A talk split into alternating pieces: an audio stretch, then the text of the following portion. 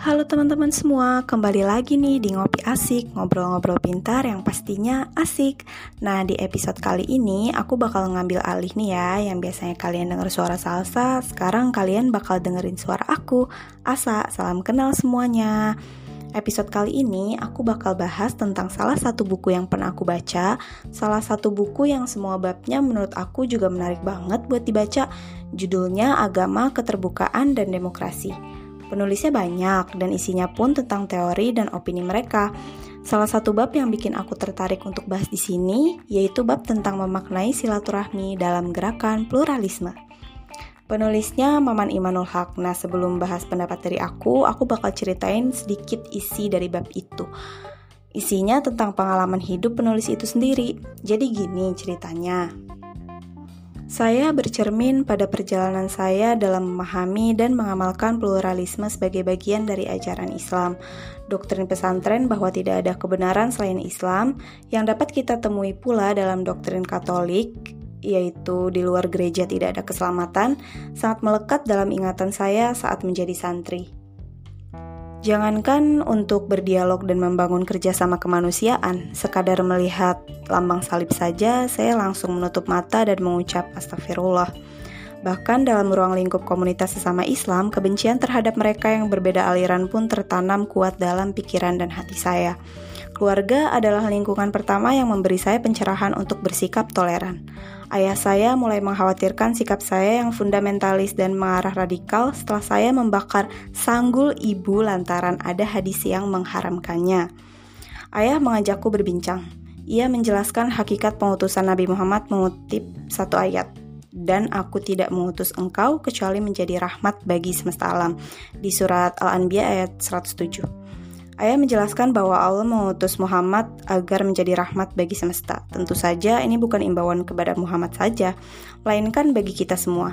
Kendati ayah toleran, kala itu saya bergaul dengan beberapa komunitas muslim fundamentalis di Majalengka. Saya sempat memimpin gerakan masyarakat anti maksiat yang menghancurkan depot-depot minuman keras dan tempat prostitusi di daerah Sambeng. Saya juga menjadi rujukan boleh tidaknya merubuhkan kios-kios milik warga Tionghoa yang disinyalir menjadi gudang minuman keras di Jatiwangi. Ada kepuasan sesaat, tapi persoalan tidak tuntas. Ada banyak korban salah sasaran. Suatu kali masa menghancurkan warung milik seorang janda beranak empat, kali lain menimpa warung orang tua renta yang terjebak dalam warungnya yang reot hingga mengalami shock. Ada juga anak Tionghoa yang menangis di lantai atas rumahnya dan, dan berteriak, saya lahir di Indonesia, kita saudara, apa salah saya? Berkecamuk, banyak pertanyaan dalam batin saya. Apa benar ajaran agama yang menyerukan kebencian kepada orang yang berbeda, memaksakan pendapat dengan cara kekerasan, serta menghancurkan fasilitas umum atau milik pribadi? Saya mencari jawaban. Kemudian Kiai Haji Hussein Muhammad, seorang tokoh agama yang berwawasan luas dan pembela hak-hak perempuan, adalah orang pertama yang membimbing saya menemukan jawaban. Dari Kiai Hussein, saya menemukan pemahaman Islam transformatif, toleran, dan ramah dengan tetap memposisikan teks suci Al-Quran dan hadis sebagai pusat nilai. Prinsip Kiai Hussein adalah bagaimana kita maju dan mampu berdialog dengan isu-isu global tanpa kehilangan nilai tradisi Islam Ahlus Sunnah wal Jamaah, Islam pesantren yang proaktif dalam perubahan dan perdamaian. Saya juga mulai menjalin komunikasi dengan kalangan LSM, jurnalis, seniman, sastrawan, dan budayawan. Lingkar pergaulan yang luas dan beragam memberi ragam warna pemikiran dan strategi penyelesaian problem yang kompleks dan rumit. Udah, stop sampai situ aja ceritanya udah sampai situ aja. Jadi, inti dari sepenggal cerita itu yaitu sang penulis yang pada awalnya intoleran terhadap segala perbedaan di luar Islam, perlahan mulai menyadari bahwa Islam sendiri pun tidak melarang perbedaan, karena Islam adalah agama yang toleran, damai, dan tidak memaksa.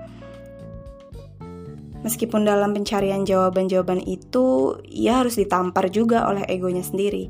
Ia menjadi sadar dan mulai membuka dirinya untuk belajar mengenai perbedaan.